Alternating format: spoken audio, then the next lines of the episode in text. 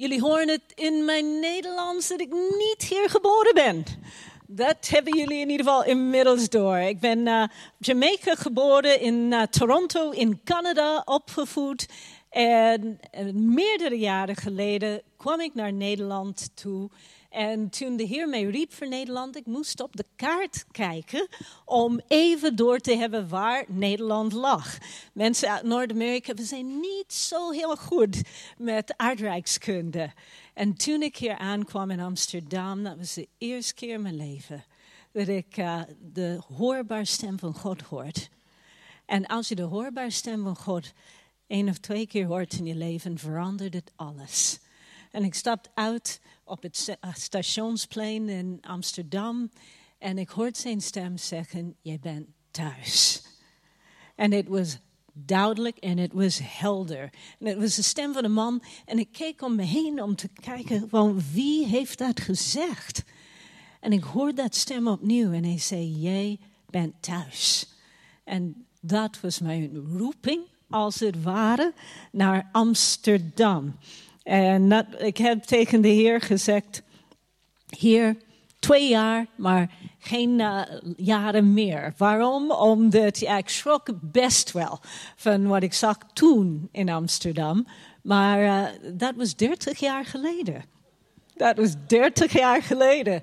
Dus Nederland is nu thuis. Uh, wat ik niet wist toen was dat de Heer ook een man voor mij had. Dat is Dick Westerhof in Groningen geboren, in Bedum en Hoogkerk opgevoed. Dus uh, mijn schoonfamilie uh, woont in Tolburg, in Bedum, hier in, uh, in de stad Groningen, in Roden en ook één persoon in Drachten. Dus ja, dit, dit heeft met mijn roots te maken hier. En ik vind het zo ontzettend fijn om hier aanwezig te zijn. Waarom? Niet alleen voor een spreekbeurt, maar voor alles wat deze gemeente voor mij heeft betekend. Waarom? Omdat ja, um, inderdaad, Dick en ik, wij leiden een gemeente in Amsterdam. Die gemeente hebben we bijna 17 jaar geleden gesticht. En dat was niet ons idee, maar dat was ook een van de keren waarin de Heer sprak.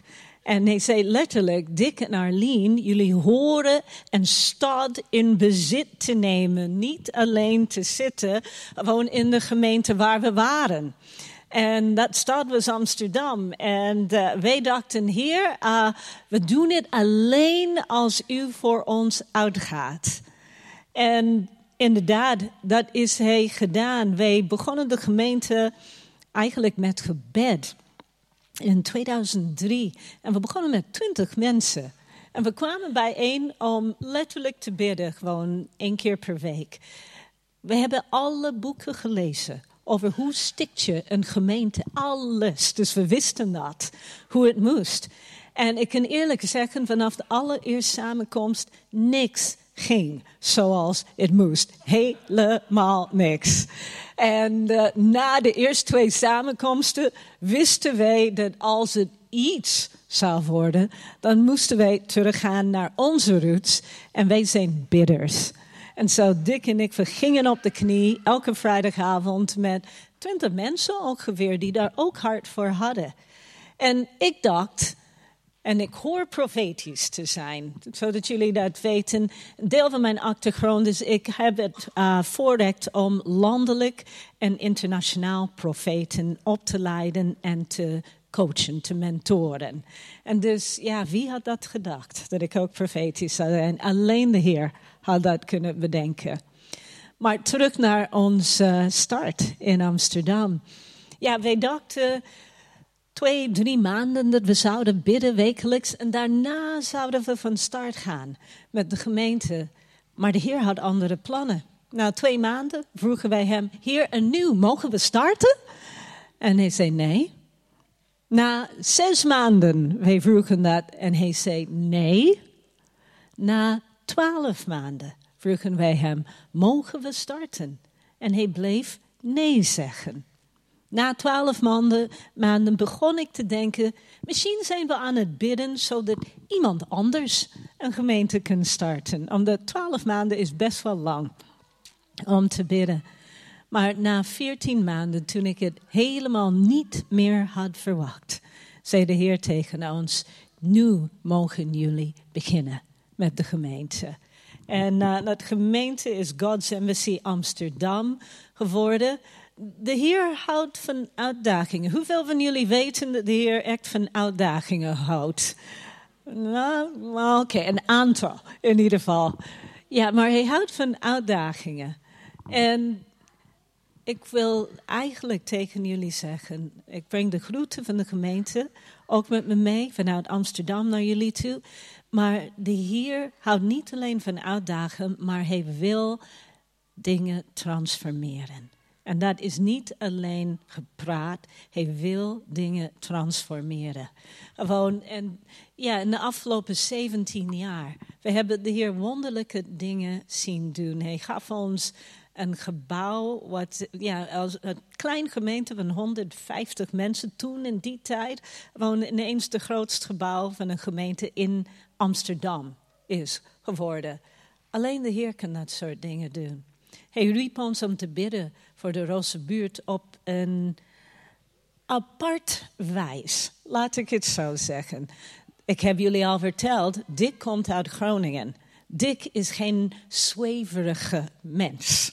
Mijn schoonfamilie is niet zweverig. Maar in het begintijd, toen we aan het bidden waren, begon hij steeds hetzelfde beeld te zien van mannen en vrouwen met rode vlaggen, groot rode vlaggen.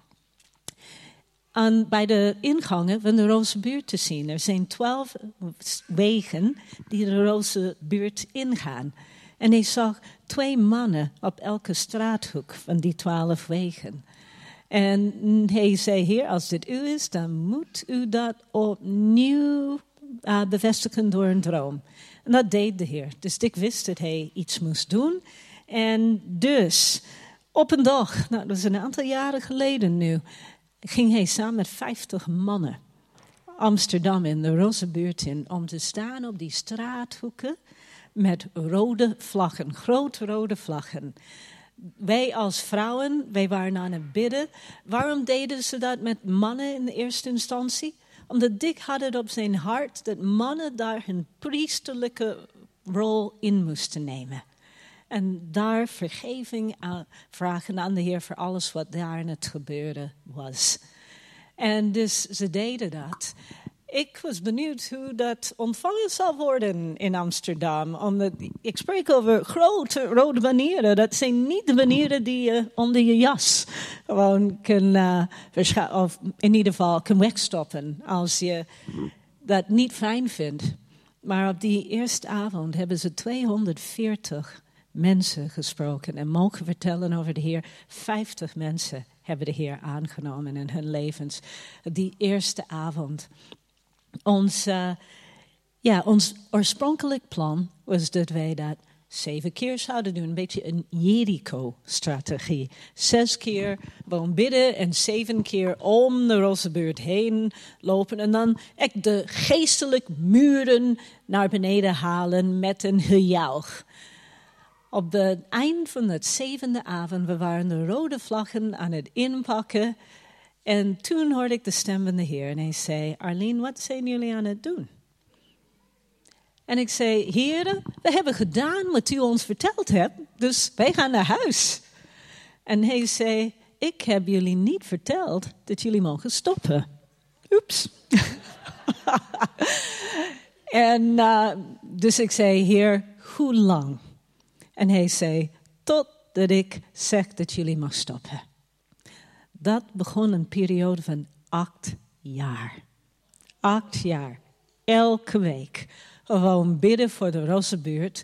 En uh, na de eerste zeven keer, de eerste en de derde vrijdagen van de maand, gingen wij staan op die straathoeken. En de tweede en de vierde vrijdag van de maand gingen wij uh, bidden in dat jeugd met een opdracht, uh, huis van gebed. En acht jaar.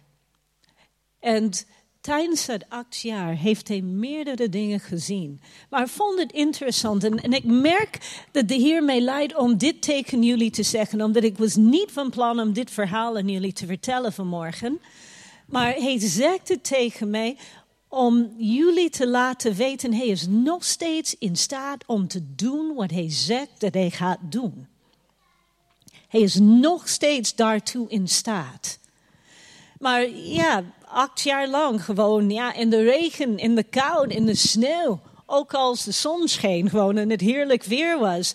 Acht jaar lang gewoon op die straathoeken staan bidden. En ik vond het interessant, de mensen die ja, het meest weerstand boden aan ons, de mensen die echt uh, ja, gingen spotten met ons, waren christenen. Dat was interessant. Omdat ze zeiden, jullie kunnen niet denken dat door te staan gewoon met zo'n vlaggetje, gewoon bidden, het bloed van Jezus over deze buurt, dat dingen ooit gaan veranderen. En weet je, ik, ik heb heel veel van dat soort gesprekken gehad. Het waren niet de wereldsmensen, het waren medebroers en zussen in Christus. En ik heb tegen hen alleen maar kunnen zeggen: Ik weet niet wat God gaat doen, maar alles wat ik weet is dat Hij ons gevraagd heeft om dit te doen. Dus totdat Hij anders zegt, gaan we trouw zijn aan wat Hij ons heeft opgedragen te doen. We hadden nooit kunnen voorstellen wat die acht jaar teweeg zou brengen. Tuurlijk waren er anderen die ook aan het bidden waren voor uh, die buurt. Maar ja, wat we deden, dat was niet ons idee. Hey, het was zijn schuld. Hij kwam met het idee. Dat was zo in your face. Dat was zo. Je kon niet schuilen achter de vlag zelf, weet je. In die acht jaar, elke zorg dat ik had voor mijn reputatie alles wat met vrees voor mensen te maken had, stierf. In die acht jaar. Wat we merkten was langzaam maar beter de politie begonnen naar ons toe te komen. Om te zeggen, wij zijn zo blij dat jullie hier zijn. Om het bloed van Jezus uit te bidden over deze buurt. Politiemensen die de Heer niet eens kenden. Waarom? Omdat ze zeiden, we merken dat als jullie op straat zijn, agressie is minder. Veel minder agressie, veel minder geweld. Jullie maken ons werk veel gemakkelijker. Een ander iets wat uh, gebeurd was, was ze merkten langzaam een beetje dat prostituees begonnen tot de Heer te komen. En in die tijd, in die acht jaar, hebben we ongeveer 120 dames zien komen tot de Heer. Dat was, uh, ik vond het geweldig toen al. Maar pas nadat wij klaar waren met het vlaggen, hoorden wij van de leider van de Jeugd met een opdrachtbasis daar in de Roze buurt. Ze zei, Dick en Arlene, voordat jullie begonnen met dat vlaggen, ze zei, de tien jaar daarvoor hebben we slechts drie mensen tot de Heer zien komen. In tien jaar. Nou, ik weet dat de Heer houdt van een ieder die tot Hem komt. Maar ik kan me voorstellen dat tien jaar drie mensen tot de Heer komen, dat kan soms ontmoedigen zijn. Maar in die acht jaar daarna 120 dames plus. Het is 120 waarvan ik weet. Alright? En dus God was bezig om iets te doen met de geestelijke atmosfeer in dat gebied. Omdat de Heer zei, de Roodse buurt is strategisch voor onze stad geweest. Dat heeft hij gezegd in gebed. Op een gegeven moment, eigenlijk van ja, ik, ik uh, sla een heleboel details over. Maar op een gegeven moment, een verhaal. Weet je, ik hoorde iets op die uh, plaatselijke zender, die Amsterdam-zender. En uh, ja, de leider van de prostitueesvereniging, die stond op en die zei... Ik weet wat er zal gebeuren. Op een dag zal de Rozenbuurt alleen maar een klein aantal straatjes zijn. Gewoon in Amsterdam. Er zal geen Rozenbuurt meer zijn. En mijn man, uit Groningen. Hij, hij sprong uit zijn stoel.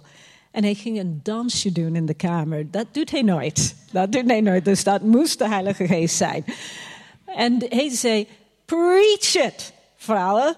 Predik het. Hij zei: Je bent een profeet. Je bent aan het profeteren. De toekomst van deze buurt. De Heer had tegen ons gezegd dat wanneer de roze buurt valt, zal Amsterdam voor hem vallen. En hij heeft ons het belofte gegeven, niet alleen door zelf tot ons te spreken, maar elke bezoeker, elke gastspreker die we hadden, jarenlang, ze zeiden hetzelfde. Dus uh, op een gegeven moment hadden wij dat door. Uh, anyway, um, ja, na acht jaar. Eigenlijk, prostitutie was, of ging naar beneden met 38 procent. Bijna 40 procent minder prostitutie in dat gebied. Opnieuw, anderen waren daar ook voor aan het bidden, maar we werden bemoedigd door het feit dat wat we uitspraken in gebed op die straathoeken, God deed. En uh, de Heer had gezegd, na acht jaar, hij zei, Dick en Arlene, jullie deel nu is klaar. En ik heb iemand anders voorbereid om dit van jullie over te nemen. En we hebben anderhalf jaar lang moeten wachten. Maar uiteindelijk kwam er iemand, hij heeft dat overgenomen. En tot de dag van vandaag, elke vrijdag, gewoon maar drie maanden op straat, drie maanden rust, drie maanden op straat. Er staan nu mannen en vrouwen vanuit PKN kerken uit heel Nederland op de straathoeken in de roze buurt met die rode vlaggen uitbidden het bloed van Jezus over de roze buurt. Is, alleen God kan dat soort dingen doen. Alleen God kan dat doen. Maar, stop daar niet. De persoon die het van ons overnam, die doet heel veel werk met dames in de roze buurt. En dus op een gegeven moment kregen wij een bepaalde burgemeester, Femke Halsema. Nou, ik moet uh, beleiden en uh, ja, dat ik niet, niet stond te juichen toen zij ons burgemeester werd. Waarom? Omdat in het verleden had ze gezegd: de roze buurt, dat moet blijven in Amsterdam. Vrijheid, blijheid. Maar iedereen die werkt met de dames weet dat uh, het alles behalve vrijheid en blijheid is daar. Dus Femke Halsema werd de burgemeester van Amsterdam. En de persoon die het overnam van ons, dat vlaggen, hij nodigde haar uit om ja, koffie te gaan drinken met een viertal van deze vrouwen. Die de Heer hadden leren kennen en die uit de prostitutie waren gestapt. En hij zei, Femke, en dat is tot haar krediet, ze kwam binnen en ze zat daar koffie te drinken en er waren lekker chocolaatjes gewoon uh, op tafel. En uh, ja, dames, wij houden van chocolaatjes en de burgemeester ook. En dus ze zei, mag ik een hebben? En dus ze zat daar en zij huilde met de dames mee. Zij lachte met de dames mee. Toen zij dat gesprek inging, ze zei, ik heb half uur hooguit zij heeft drie uur lang gebleven. Zij is drie uur lang gebleven om te praten met die dames. En toen zij klaar was met dat gesprek, de week daarna, het was niet meer vrijheid en blijheid, wij moeten de roze buurt houden. Maar vorig jaar in 2020 heeft zij gezegd, ik denk dat wij de roze buurt nu moeten gaan sluiten. Sluiten. Dat is enorm. Waarom? Omdat de roze buurt van Amsterdam bestaat meer dan 500 jaar. En ik moest denken aan dat woord van de Heer. Wanneer de roze buurt valt, gaat de stad voor. Dat, die dag komt dichterbij, omdat ze is bezig met plannen in ons, ja, in ons college van BMW. Dus waarom zeg ik dat? Omdat de Heer zegt, het is tijd om het geloof, dat niveau van het geloof, van ons allen omhoog te schroeven. Omhoog te schroeven. En ik ga even bidden, omdat ik merk dat de Heer me iets laat zien. Vader, Heer, in de naam van Jezus, ik dank u, Heer, voor uw Heilige Geest in deze plaats. Heer, ik dank u voor de open hemel. Heer, over deze gemeente nu op dit moment. Vader, in de naam van Jezus. Heer, ik bid nu deze ochtend. Heer, voor de mensen in de zaal, maar ook voor een ieder die thuis kijkt. Heer, voor een bovennatuurlijke niveau van geloof. Heer, ik vraag u in Jezus' naam nu voor geloof wat direct uit de hemel komt Heer, niet dat wij ons geloofsniveau moeten opkrikken, maar Vader, voor een bovennatuurlijke gave van geloof voor ieder die deze boodschap hoort. Deze dag. Heer, een geloof dat in staat is om bergen te verzetten.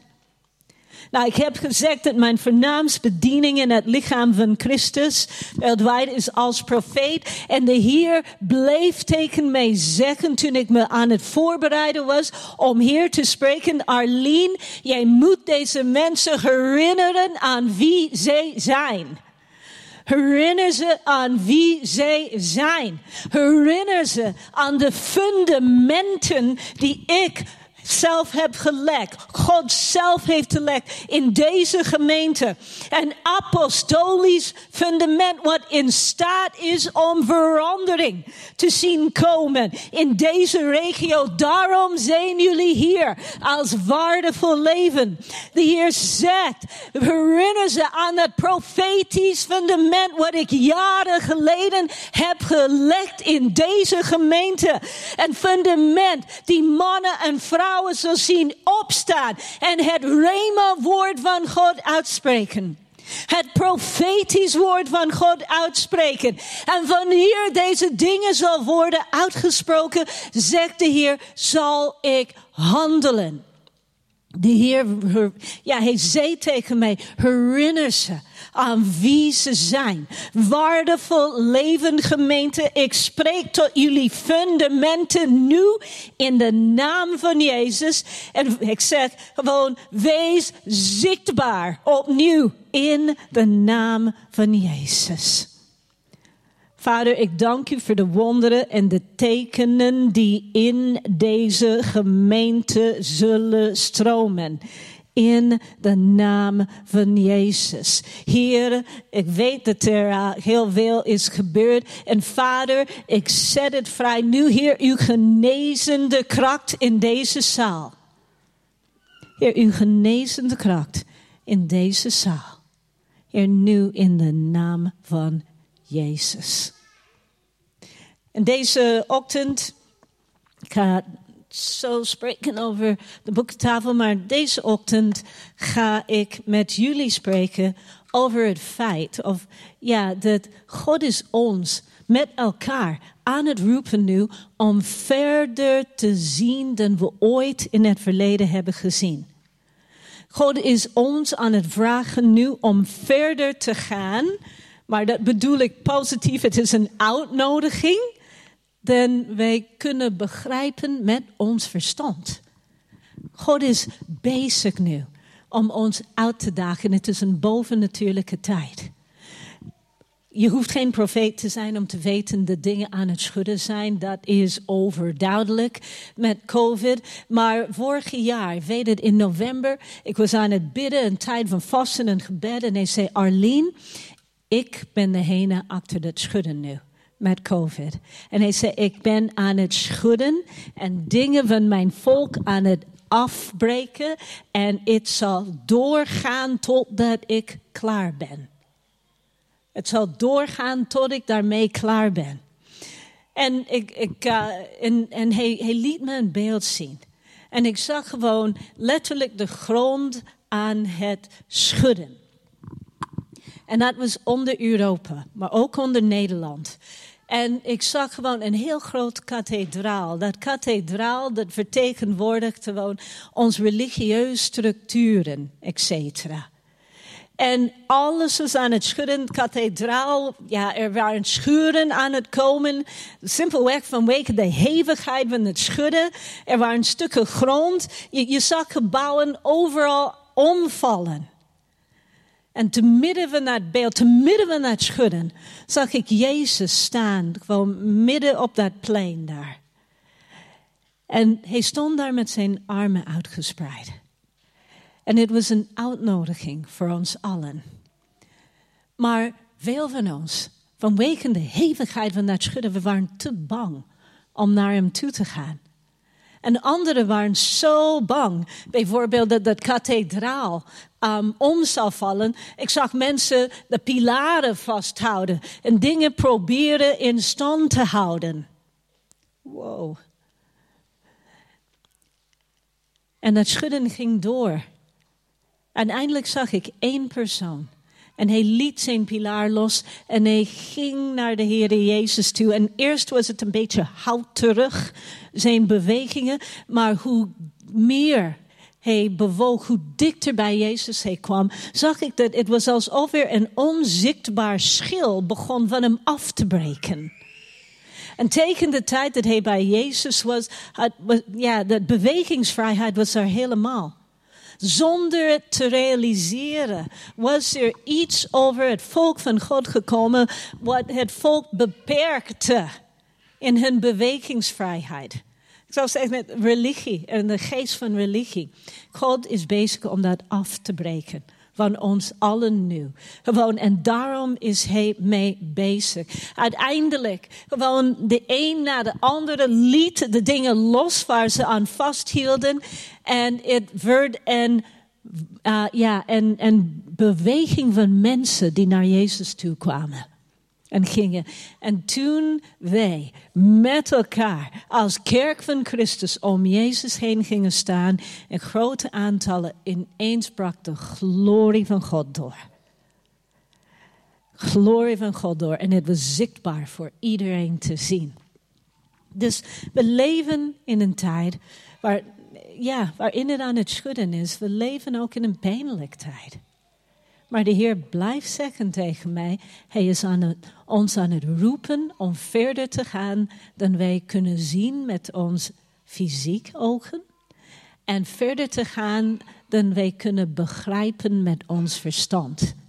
Want ja, ik heb een beetje een geheim en dat is dat God is groter dan ons verstand. En ik zeg dat ook gewoon als iemand die scheikunde lang heeft gestudeerd. Dus ik ben dokter in de scheikunde. Dus ik heb waardering voor het verstand. Maar ons verstand moet onderworpen worden aan de Heilige Geest.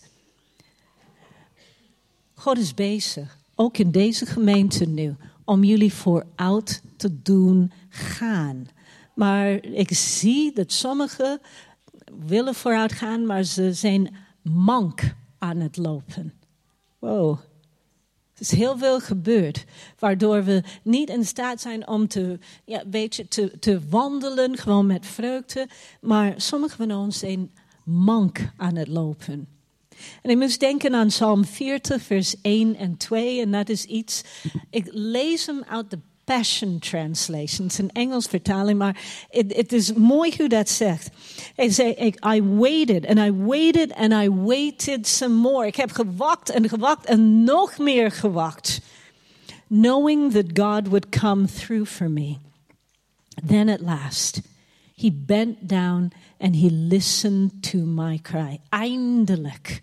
Gewoon boog hij voorover en hij luisterde naar mijn roep. He stooped down to lift me out of danger from the desolate pit I was in, out of the muddy mess I had fallen into. And now he has lifted me up into a firm and secure place and steadied me while I walk along his ascending path. Eigenlijk de Heer boog naar, ja, voorover en hij tilde mij op uit de glibberige modder. En hij heeft mijn voeten in het Nederlands op een rots gezet. Halleluja. En dus het is tijd nu om ons ogen omhoog te heffen en niet meer ons te laten afleiden door het nieuws, door wat er in de wereld aan het gebeuren is, of zelfs, heel eerlijk gezegd, door wat er in het verleden is gebeurd. Waarom? Omdat God is bezig om dingen te doen nieuw. Ik merk gewoon in het algemeen, sommige dingen die zijn van ons afgebroken. En ik hoor het overal van mensen en, en leiders, maar overal. En niet alleen in Nederland, maar overal. Het is bijna alsof er dingen worden afgebroken van ons, ook dingen waarvan we hielden. Ook dingen waarvan wij weten, dit was van God in een vorige seizoen voor ons. Maar God zegt, ik ben iets nieuws aan het doen. En wij kunnen Hem vertrouwen, ondanks het feit dat sommige dingen die van ons worden afgebroken, ja, ze doen pijn. En ze veroorzaken tranen. Maar God is bezig Hij is bezig en te midden van het alles, gewoon houdt hij nog steeds van ons. En ik, uh, ik zal een beetje, ja, een klein beetje lezen vanuit Johannes 11. Daar gaan we langer tijd aan besteden vandaag. En in Johannes 11, vers 1 zegt: En er was iemand ziek, Lazarus van Betanië, uit het dorp van Maria en haar zuster Martha.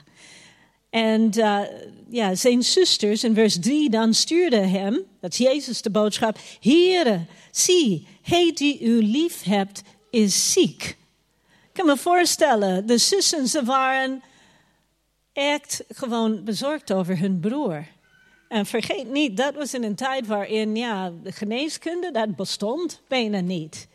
Dus ja, hier, degene van wie u houdt, weet u nog hem, hij is ziek. En de boodschap was, kom snel. En Jezus, hij hoorde dat, maar toen Jezus dat hoorde, zei hij, deze ziekte is niet tot de dood, maar is er, ja, maar is er met het oog op de heerlijkheid van God, op de, de Zoon van God, erdoor verheerlijkt wordt. Nou, weet niet van u, maar als, dat, als ik daarbij was, als discipel, zou ik hebben gedacht, alright, het komt goed. Jezus zegt gewoon, deze ziekte is niet tot de dood. En zo, het komt goed. Twee dagen later, Jezus uh, kijkt naar zijn discipelen en hij zegt, kom, laten wij nu gaan richting Lazarus.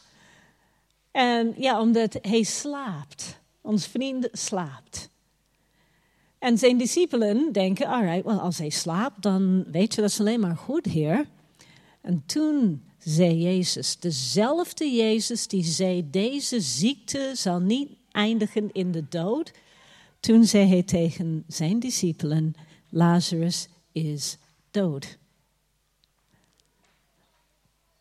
Ik weet, wij lezen deze Bijbelverhalen en, en weet je, wij horen ze al tijden. Maar kan je het voorstellen hoe de discipelen zich voelden? De verwarring. Heer, u had gezegd, weet je, deze ziekte is niet tot de dood. En nu vertelt u ons dat hij dood is? Ik denk dat er een beetje verwarring daar was. Teleurstelling. Verbijstering. En dan zegt Jezus iets. Hij zei, um, ja, ik ben blij dat ik daar niet was. Omdat jullie nu de grootheid Gods gaat zien. De discipelen konden niet voorstellen hoe God dit een positief wending zou geven. Maar God was bezig. Zij wisten alleen maar wat ze konden zien met hun fysiek ogen, wat ze hoorden met hun fysiek oren. En zover als zij wisten, was het afgelopen. Totaal en compleet afgelopen. Maar Jezus had een andere plan. En dus hij ging naar Martha en naar Maria toe. Nou, ik zei, ik instrueer profeten. Maar ik zou me kunnen voorstellen dat stel je voor een genezingsevangelist of een bekend profeet in Nederland zegt oh, nou, over iemand, deze ziekte is niet tot de dood. En dat komt in de kranten en daarna sterft de persoon. Wat is de krantenkop? Misschien op CIP of wie dan ook. Wat is de krantenkop? Gewoon vals profeet. En wij zijn heel beleefd omdat dit Jezus was. Wij kennen het eind van het verhaal. Maar ik vermoed dat er mensen toen aanwezig waren die zeiden: Weet je, deze meneer, ja, wij kunnen hem niet meer vertrouwen. Hij liet zijn vriend sterven. Anyway, zij gaan naar Martha en Maria. En Martha komt Jezus tegemoet en in vers 21 ze zei, Heere, als u hier geweest was, zou mijn broer niet gestorven zijn. Als u ons niet in de steek had gelaten, als u meteen was gekomen, was dit niet gebeurd. Het was een eerlijke reactie van Martha. En Jezus, um, en Jezus vroeg haar dan, of hij zegt tegen haar, Martha, uw broer zal weer opstaan. En Martha's reactie? Ik weet dat hij zal opstaan bij de opstanding op de laatste dag. Ik ga hier nu iets zeggen wat uh, voor veel van ons, inclusief ikzelf, toen de Heer dat tegen mij zei, jaren geleden, wel uitdagend is. Jezus zei, Martha, uw broer zal opstaan. En Martha reageerde met een theologisch correct antwoord. Heer, ik weet dat hij zal opstaan. Gewoon, ja, omdat, um, ik weet dat hij zal opstaan bij de opstanding op de laatste dag. Dus hij sprak over een nieuw woord. Hij sprak over iets wat hij van plan was om te doen nu. En Martha reageerde op een ander niveau met een theologisch correct antwoord. Nou, ik heb respect voor de theologie, maar dit is een deel van waar God ons aan het uit, well, waar, waar God aan het afbreken is. Dat, breekt God van ons af nu een beetje. Waarom? Omdat soms kunnen ons theologische opvattingen ons beperken als het gaat om wat God nu wil doen. En ik ben dankbaar voor mijn achtergrond. Ik heb heel veel theologie mogen studeren. Ik heb heel veel stukken uit de Bijbel uit mijn hoofd leren. Dat is een zegen voor mij geweest. Maar soms, wanneer God iets nieuws wil doen, en ik verzeker jullie, hij is iets nieuws aan het doen nu in de wereld, maar ook hier in deze gemeente. Je kunt het voelen.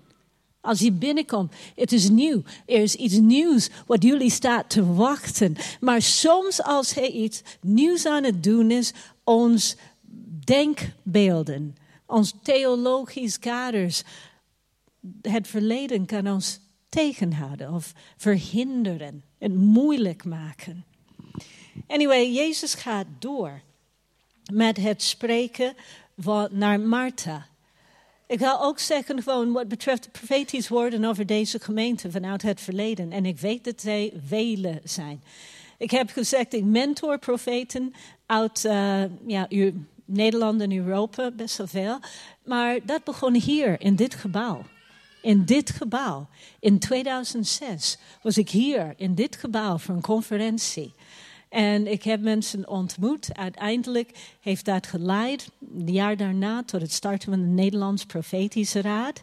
En uh, dat heeft geleid uh, vorig jaar, of twee jaar geleden, sorry, tot het starten van de Europees Raad. Samen met anderen. Europees Raad, 80 profeten uit 21 Europese landen. Weet je, dat is hier begonnen. Hier begonnen. En, en ook gewoon ja, als Nederland is haar profetische stem weer aan het terugkrijgen. Maar wat probeer ik te zeggen? Soms en regelmatig als God, wat, is God nu aan het zeggen? Het is tijd voor de oogst. Jullie hebben dat allemaal gehoord. you know, overal is het tijd voor de oogst. Maar vaak als we dat soort dingen horen, hebben wij de neiging te denken: ja, op een dag zal het gebeuren in de toekomst zal het gebeuren. Maar God is aan het zeggen tegen ons vandaag: het is niet in de toekomst, de toekomst is nu. De toekomst is nu. Het is tijd voor de oogst nu. Het is tijd voor wonderen en tekenen in deze plaats, in Loppersum, in waardevol leven en in Groningen en omstreek. Nu. Niet volgend maand, maar nu. En daarom hebben wij dat bovennatuurlijke gave van geloof nodig. Om daarin te beginnen te wandelen. Maar God wil ons verder brengen. God hield van Martha. Ik weet, Martha, ja, soms denk ik dat mensen haar niet zo goed begrijpen. Omdat wij zien haar altijd als degene die hard aan het werk was, maar Maria was aan zijn voeten aan het luisteren. Ik, ik beleid het aan jullie, ik, ik ben meer, ik lijk soms meer op Martha dan Maria. Ik kan ook aan de voeten van Jezus zitten, maar ik denk, er moeten ook dingen gedaan worden. Oké, okay? klussen moeten ook worden verklaard. En dus um, ik heb ook medeleven met Martha en Jezus ook. Omdat toen Jezus Martha's antwoord zei, Hij zag haar hart. Hij wist de zuiverheid van haar hart. Hij wist hoe hard ze had gewerkt. Hij wist dat zij dat geloof wilde hebben. En Jezus zei in vers 25 en 26 van Johannes 11: Ik ben de opstanding en het leven. Ik ben het. En ik ben hier, nu. Gewoon, dat is wat hij bedoelt. En toen ging hij verder. Wie in mij gelooft, zal leven, ook was hij gestorven. En in ieder die leeft en in mij gelooft, zal niet sterven in eeuwigheid. Gelooft u dat? En Martha, weet je, zij, zij keek hem aan en ze zei, hier, ik geloof dat u de Christus bent, de Zoon van God, die in de wereld komen zou. Dat was een enorm uitspraak van Martha, omdat ze zei, hier, ik geloof dat u de Messias bent. En dat was alles dat Jezus nodig had. Maar kunnen jullie het zien? Jezus was bezig om Martha verder te brengen. Haar broer was gestorven, een enorm klap. De persoon waarvan ze hield. Het kan zijn dat sommigen van jullie hier vandaag, of sommigen van jullie die aan het kijken zijn, bijvoorbeeld je business is gestorven. Of een geliefde. Of iets anders, een droom is gestorven door COVID. Maar de Heer zegt, ik ben de opstanding. Ik ben het leven. Wauw. Dat is wat de Heer wil dat Martha ook wist. In haar geval. Weet je, haar broer was gestorven en het is bijna figuurlijk alsof Jezus Martha met de hand nam. Ze begon op een theologische plek. Waarom benadruk ik dat theologisch? Omdat in het theologisch zitten wij in ons verstand. Opnieuw, ik ben behoorlijk getraind met mijn verstand. Weet je? Maar de ding is, Jezus wil haar een nieuwe dimensie inbrengen. Waarin wat ze wist in haar hart werkelijkheid werd. En dus hij trok haar, als het ware, figuurlijk een stuk verder. En toen zei ze, ja heer, ik weet dat u de Messias bent. Toen hij zei, ik ben de opstanding en het leven. Dat was al een heel stap vooruit. U bent de Messias hier en u bent hier en u bent nu aanwezig. En dan deed Jezus iets wat haar echt uit haar comfortzone bracht. En ik zeg het tegen ons allen vandaag. Dit schudden maar Jezus was er al mee bezig voordat het schudden begon, om ons uit ons comfortzones te trekken. Ik heb zoveel mensen horen zeggen, weet je, Jezus, hij wil dat we veilig zijn, et. Ik waardeer de veiligheid, maar die Jezus moet ik nog kennen. Waarom? Omdat elke keer dat Jezus mij vroeg en vraagt om iets te doen, doet hij me zo ver uit mijn comfortzone komen. Waarom? Omdat hij vraagt dingen die, die onmogelijk zijn. Zonder dat hij daar ook bij is. Totaal onmogelijk. Ja, dat, dat verhaal van de roze dat is alleen maar één verhaal van velen. Tegenwoordig gewoon niet comfortabel zijn is mijn comfortzone. En dat is eigenlijk waar hij ons met ons allen naartoe aan het bewegen is. We moeten comfortabel leren worden met niet comfortabel zijn. Waarom? Omdat Hij God is. En Hij zal ons regelmatig vragen om dingen te doen die wij niet snappen. Serieus mensen, wie had gedacht? Ja, staan daar met rode vlaggen op een straathoek. Bidden. En dan mensen vragen je, wat ben je aan het doen? En weet je, gewoon, hij vraagt ons om dingen te doen die soms dwaas lijken. Ik realiseerde me pas veel later, dat was een test voor ons.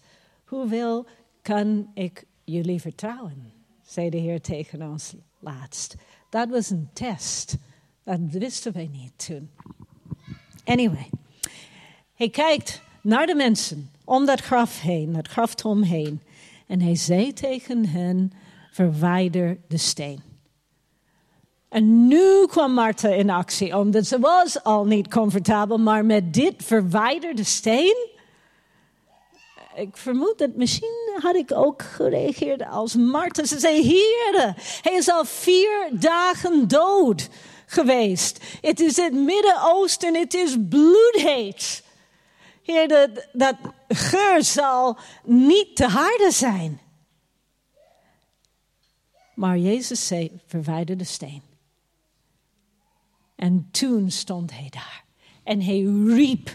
En hij zei, Lazarus, kom uit. Lazarus, kom uit.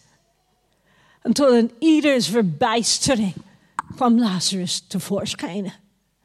Kun je je voorstellen, ik, ik, ik probeer dit eigenlijk voor te stellen. Ik, vind het zo'n enorm gebeurtenis. Ik ben verbaasd dat niemand al een film daarover heeft gemaakt. Meen het echt. Lazarus, kom voort. En dan iedereen staat daar te wachten. En het kan zijn dat het eventjes heeft te duren, omdat Lazarus, hij zat helemaal verwikkeld in grafkleding. Dus hij kwam niet vooruit springen, dada, gewoon. En dus ik kan me voorstellen, misschien hoorden ze wat, weet je, gewoon uh, een aantal geluiden na een tijd. En dan zagen ze Lazarus, zeer waarschijnlijk een beetje zo. Een enorm wonder van God. En voor Martha, ik kijk naar Martha, omdat de Heers hart ging uit naar Martha. Ook, natuurlijk Maria ook, maar in dit geval was hij bezig met Martha geweest. En ik ben zo dankbaar voor Martha. Waarom? Omdat ik denk, Heer, als u het met haar kunt doen, kunt u het ook met mij doen. Als u het met haar kunt doen, kunt u het ook met ons doen. En eh, alles verandert voor Martha. Op dat moment. Dingen veranderden. Haar zienswijze veranderde. Ineens was het niet meer gewoon een beperking. Gewoon ze wist, de Messias was daar. En hij was niet alleen de bron, hij is de opstanding en het leven. Ons maatschappij spreekt over de waarheid, over zoveel dingen, coronaregelingen, vaccinaties, alles en nog wat. Ik wil gewoon graag een week gaan zonder te horen over corona of vaccinaties. Ik denk dat we met elkaar gewoon uh, zo voelen. Maar weet je wat? Jezus zegt gewoon, de waarheid is niet een dogma. De waarheid is niet een leerstelling. Jezus zelf heeft gezegd: Ik ben de weg, de waarheid en het leven. En dus ook tegen ons gemeente, ik zei: Weet je wat? Ik, ja, ik, ik word moe als ik naar al die dingen kijk. En dus laatst anderhalf jaar, ik ben voornamelijk bezig om mee te richten op de Heer. Heer, wat zegt u? Tuurlijk lees ik mijn krant, maar elke keer leg ik mijn handen op de krant en ik zeg: Heer, wat zegt u? Hou mij uw stem te horen. Gewoon in wat ik lees. En ik kan eerlijk zeggen, en ja, ik weet veel mensen hebben geleden, maar 2020 en tot nu toe is de allerbeste tijd die Dick en ik ooit hebben gehad. Het is de allerbeste tijd in de gemeente. De gemeente is gegroeid, ongelooflijk. Niet alleen online, maar echt gegroeid. Had ik nooit kunnen voorstellen.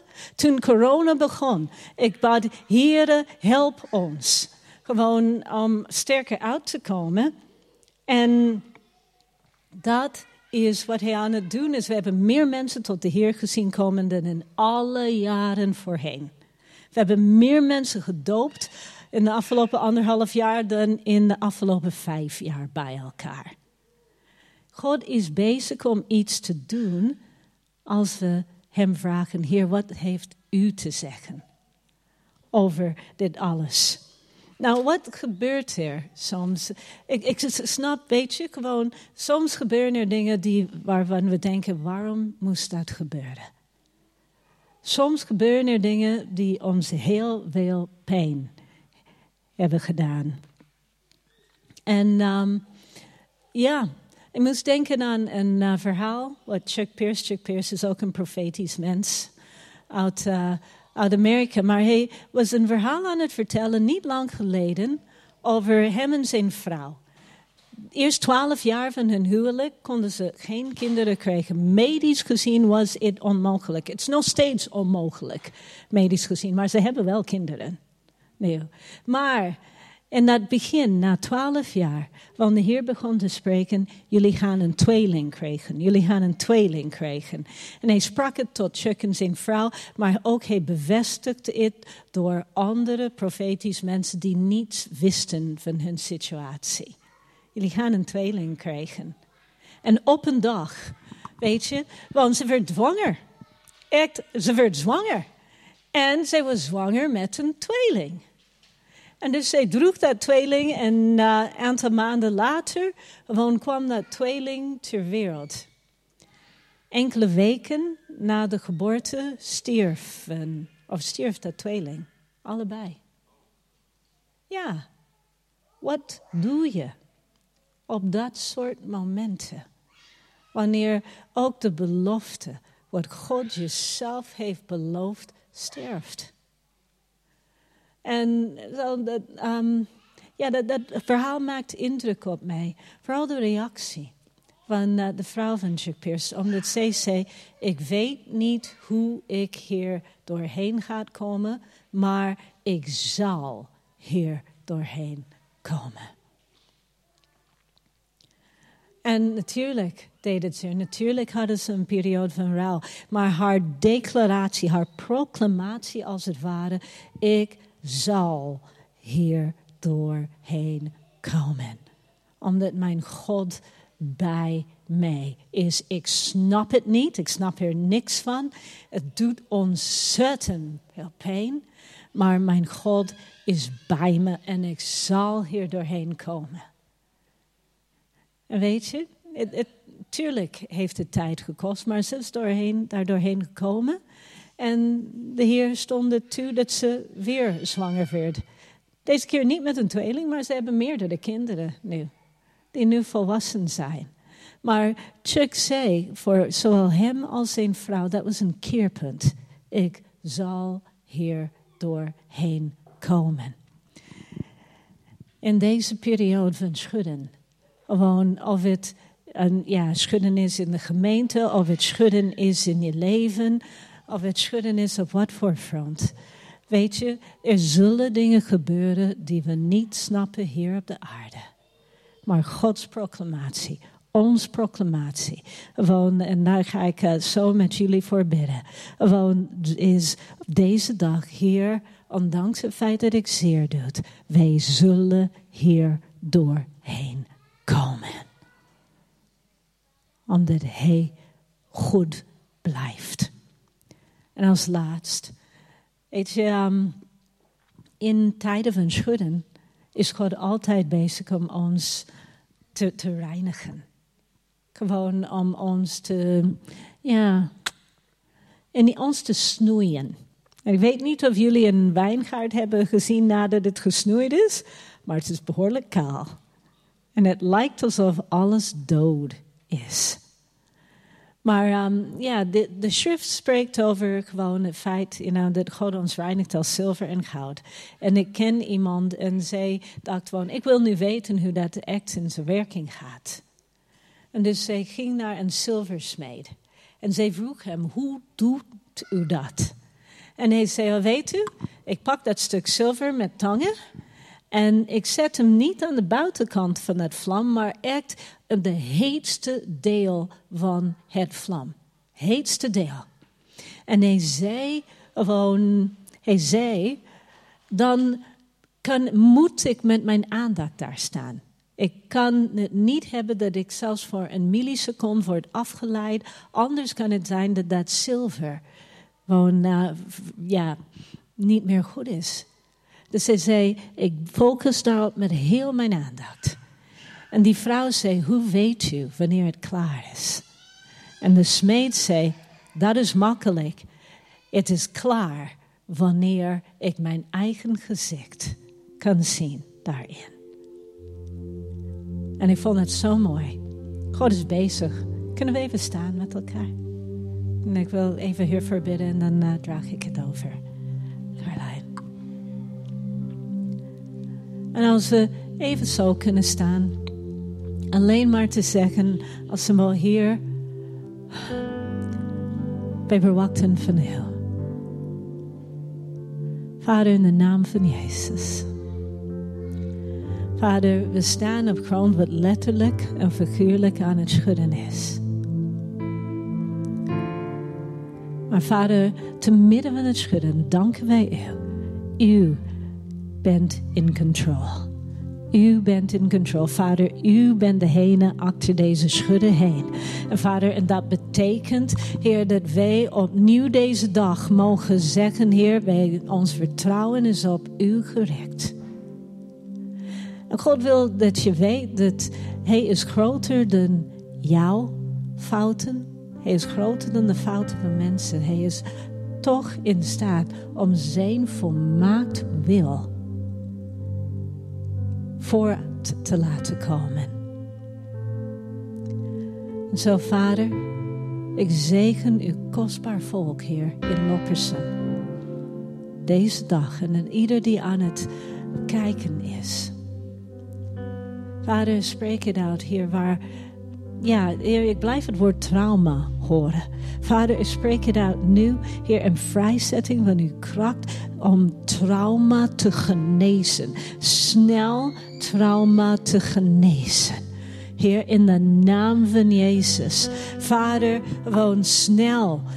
Juist hier opnieuw kracht woon om mensen te vergeven waar dat nodig is. Vader, dank u dat u deze dag ons belooft om ons nu verder te brengen dan ons laatste trauma, ons laatste teleurstelling. Wow. Vader, in de naam van Jezus, dank u dat u uw volk hier nu reinigt van teleurstelling, Heer. Wauw. Heer, dank u daarvan. Heilige Geest, u bent hier, u bent aan het bewegen. Vader, en er is een geest ook, zie ik. Uh, ja, natuurlijk, teleurstelling is een emotie, maar er is ook een geestelijke dimensie dat mensen vasthoudt en teleurstelling. Vader, ik roep het uit nu, vuur van de Heilige Geest. Heer Jezus, om elke demonisch geest, wow, wat mensen verankerd houdt, in teleurstelling te verbranden nu. Heer, in de naam van Jezus. Vader, uw woord zegt, wie de zoon vrijzet, is waarlijk vrij. En hier deze dag proclameren wij de vrijheid van Christus. Vrijheid van trauma. Vrijheid van teleurstelling. Vrijheid om opnieuw ons vertrouwen op u te richten.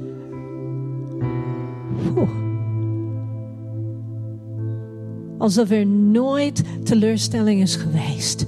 Heer, dank u voor uw bovennatuurlijke werk. Heer, in deze plaats, nu op dit moment. En boven natuurlijk niet alleen vrijzetting, maar reiniging en genezing. Wauw. Vader, ik snij deze, weet niet wat er gebeurd is, maar Heer, ik snij deze gemeente nu los van elke aanklacht. Heer, ik hoor menselijk stemmen. En Vader, wij vergeven een ieder die deze gemeente heeft aangeklaagd. Maar Vader, in de naam van Jezus. Vader, ik reinig deze gemeente nou. Bid ze uw reiniging toe. Wauw. Door het bloed van Christus. Heer, van elke aanklacht. Wauw. In de naam van Jezus. Vader, dank u. Dank u, dank u. U bent in deze plaats. Dank u, Heer. Heer, met dat reiniging van aanklacht, ik zie de wortels, de oorspronkelijke fundamenten van deze gemeente opnieuw in zicht komen. Vader, we blaas met uw Heilige Geest.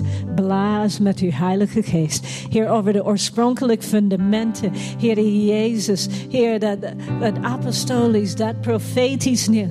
En net zoals u sprak tot Lazarus, Lazarus, kom uit. Vader, we spreken tot die fundamenten van deze gemeente. En we zeggen, kom tevoorschijn. Kom tevoorschijn. Kom tevoorschijn en leef. in de naam van Jezus. Dank u, Heer. Wauw. Kunnen wij de Heer echt een klap over geven? Hij is iets aan het doen hier deze ochtend. Kurabaka Santa Riabaka Santa. Wow, so loboko sentiria santa. Vader, ik dank u, Heer. Deze gemeente, Heer, u brengt de internationaal relaties.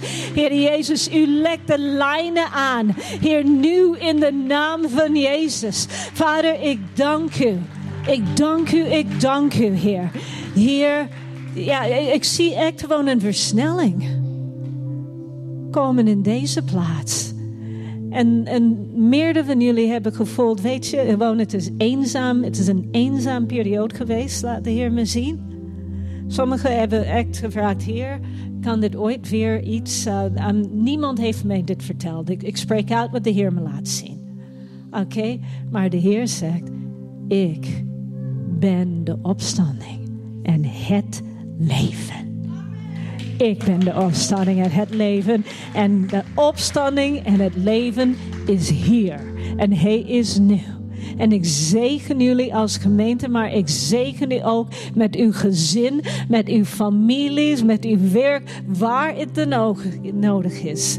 En als u iets, maar dan ook iets van deze week, deze preek herinnert, dus dat de Heer zegt, ik ben de opstanding en het leven. En ik ben in uw midden, nu in de naam van Jezus. Halleluja. Halleluja. Laten de Heer gewoon echt een groot applaus geven. Hij is het waard. Hij is het waard. Halleluja, Heer. Heer, halleluja. En Heer, dank u. U zult niet teleurstellen. Deze keer zult u niet teleurstellen, Heer. Halleluja. Wauw. Amen.